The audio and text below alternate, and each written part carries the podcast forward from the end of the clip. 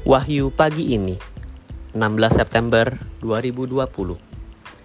Mazmur 33 ayat 22. Kasih setiamu ya Tuhan, kiranya menyertai kami, seperti kami berharap kepadamu.